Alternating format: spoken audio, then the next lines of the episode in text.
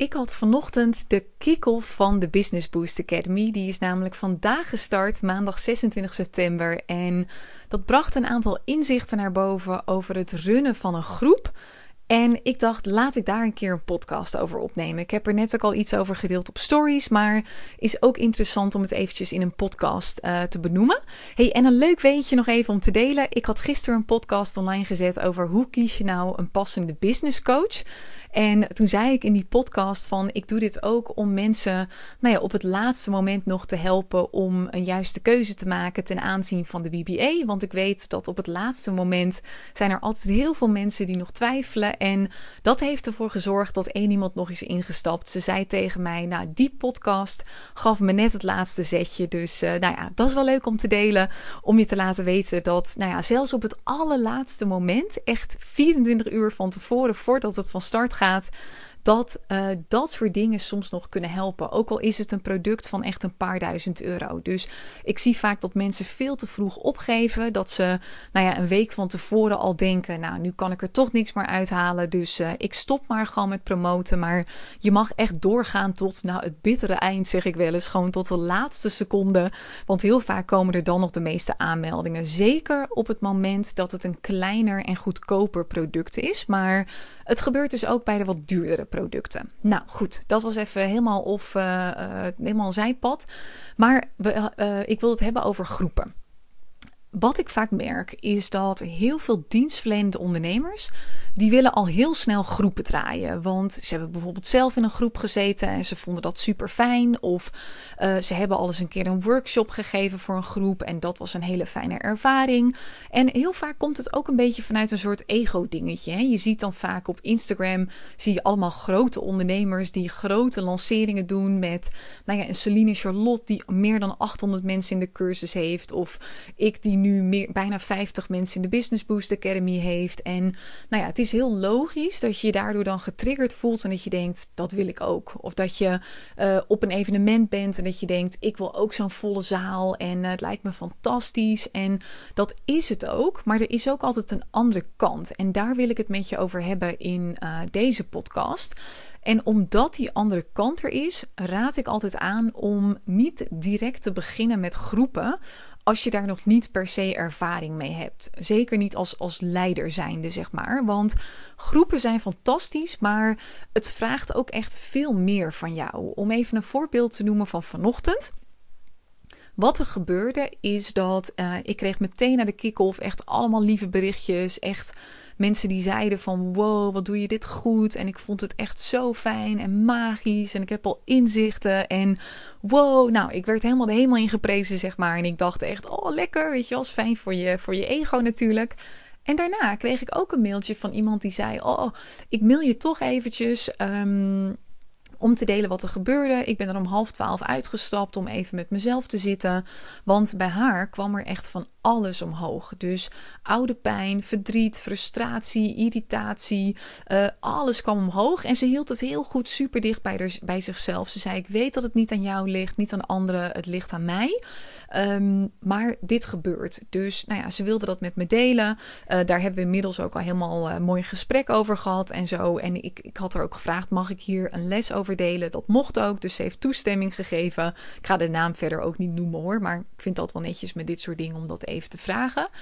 En dat soort dingen, die komen ook op je pad als je groepen draait. Dat zien we alleen vaak niet aan de voorkant, want iedereen die iets met groepen doet, die deelt vaak alleen maar de mooie reacties, de complimenten, de volle zalen, de hoge aantallen van lanceringen. En uh, nou ja, die zijn er altijd. Maar met dat je het licht zeg maar aantrekt, de mooie dingen, het, het vele geld, de fans, je trekt ook altijd het negatieve aan. Ik weet nog dat Veronique Prins bijvoorbeeld, die deelde laatst nog, met dat zij haar event had gegeven in juli was het geloof ik, had ze heel veel positieve reacties gekregen. Haar volgende event zat bijna meteen weer vol. En er waren ook echt mensen die meteen gewoon gezegd hadden: het viel me tegen. En, en nou ja, andere kritiek. En dat moet je ook kunnen dragen. En ik had vanochtend dus dat die dame mij mailde over alles wat er naar boven kwam. Een paar jaar geleden was ik dan echt meteen in een soort pijn geschoten. En had ik gedacht: oh my god, en nu wil ze uitstappen. En ik heb het niet goed gedaan. En ik heb haar niet een goed advies gegeven. En oh, en dan weet ik het wat allemaal. Dan, dan had ik het meteen eigenlijk alleen maar op mezelf betrokken. Wat op dat moment juist het laatste is wat je wilt. Want uh, het gaat even niet over jou op dat moment. Het gaat echt over de klant. Dus je moet in zo'n situatie, of je moet, je mag in zo'n situatie echt bij hem of haar kunnen zijn. In zijn of haar pijn, om hem of haar daar ook goed doorheen te begeleiden. Op het moment dat je dan alleen maar in je eigen trauma schiet van ik ben niet goed genoeg en ik dit en ik dat, is dat heel moeilijk, omdat je dan veel meer in je eigen ego, zeg maar, zit.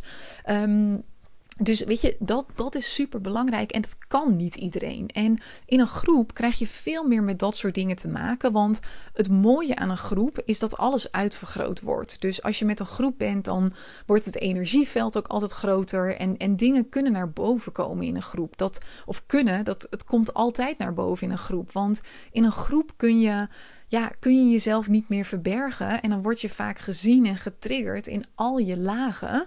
Komen er dingen naar boven als ik pas er niet in, want ik ben anders, want ik ben ouder, of ik ben jonger, of ik ben dit, of ik ben dat. Dus je afwijsmechanisme komt enorm naar boven. En die hebben we allemaal. Dus ik zei vanochtend ook in de, in de kick-off van weet dat als je in een groep zit, dat iedereen zichzelf altijd gaat afwijzen. En dat je altijd dus gaat zoeken naar het ding waarin jij anders bent. En dat je jezelf gaat vertellen dat jij net even anders bent dan de rest. Want wat ik net al zei, je bent dan net even wat ouder of jonger. Of je hebt net een ander soort bedrijf. Of um, je bent een man in plaats van een vrouw. Of je woont op een andere plek of iets dergelijks. Weet je, we zoeken altijd naar dat ene ding. Waardoor we onszelf vaak weer kunnen afwijzen. Dat is nou ja, een heel apart beschermingsmechanisme. En als leider van een groep zijnde heb je daarmee te kunnen dealen. Dus een van de dingen die ik dus al doe om dat goed te managen, is het te benoemen, zodat het niet een ding wordt. Maar wat er ook gebeurt in groepen, je krijgt groepsdynamiek, mensen die onderling, nou ja, het niet met elkaar kunnen vinden of iets dergelijks. Of het gebeurt ook wel eens, heb ik vaak genoeg gehoord, dat mensen in een groep gaan roddelen. Of over deelnemers onderling, of over de coach. Dat is ook een reden dat ik meteen altijd begin met jongens, als er iets is, kom naar mij. Als je ontevreden bent of als je vragen hebt of weet ik het wat. Want ik ben er echt om je te helpen. Maar ik kan niet ruiken of proeven dat jij hulp nodig hebt of dat jij uh, het niet fijn vindt of weet ik het wat. Kom naar mij. En ik zeg ook gewoon heel duidelijk: geroddel wil ik niet. Dit is een veilige haven voor iedereen. Er wordt niet slecht gesproken over elkaar. Als er iets is, dan doe je dat al direct met die persoon of je komt naar mij toe. Dus ik zorg ook echt dat ik hele veilige uh, grenzen zeg maar stel binnen de groep, zodat iedereen ook voelt dat het een soort veilige container is waar ze in zitten, waar ze alles van zichzelf durven te laten zien aan mij, aan de anderen. En dat is echt een ding wat ik ook heb moeten leren. Weet je, in het begin dacht ik alleen maar: oh jee, we zijn er. Nou, we gaan lekker beginnen. Holla die en uh, veel succes allemaal. Hield ik daar helemaal geen rekening mee.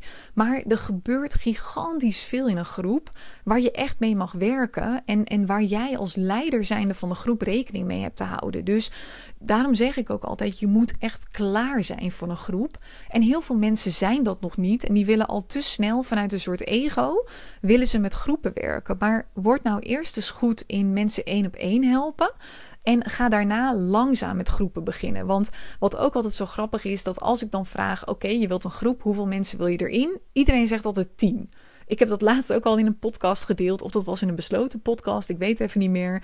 We hebben echt een soort fixatie met het cijfer 10. Dus weet je, dat komt denk ik omdat we vroeger, als je een 10 haalde op school, dan had je het goed gedaan. Dus ik denk dat we daarom altijd gefixeerd zijn op: ik wil 10 mensen in mijn groep. Of ik wil 10k omzet per maand. Of ik wil 100k omzet per jaar.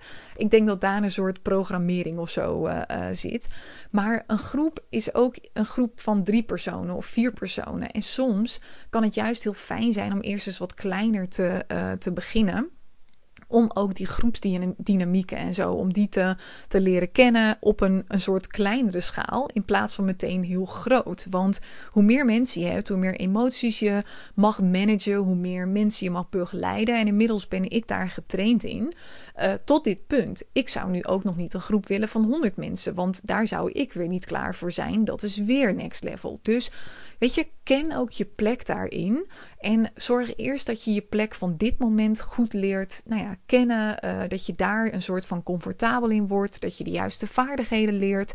En dat je van daaruit uiteindelijk weer door kunt groeien naar grotere groepen als dat je wens is. Maar ik wilde in ieder geval dit stuk even meegeven, want het is mijn intentie voor, nou ja, dat had ik begin van het jaar al gezegd, om veel meer alle kanten van het ondernemerschap te laten zien. Want weet je, je krijgt altijd het licht en het donker, de mooie dingen, de minder mooie dingen. En op Instagram wordt vaak alleen maar het mooie gedeeld met alleen maar de hoge omzet en de, en de fans en weet ik het wat. Maar er is ook altijd een andere kant, maar die wordt niet zoveel gedeeld. Dus ik hoop dat door dat te delen, dat je je nou ja, daarin niet alleen voelt. Want we hebben allemaal altijd wel eens iets waarvan je denkt: oh, dat vind ik lastig of daar zit ik mee. En soms kun je je daar heel alleen in voelen.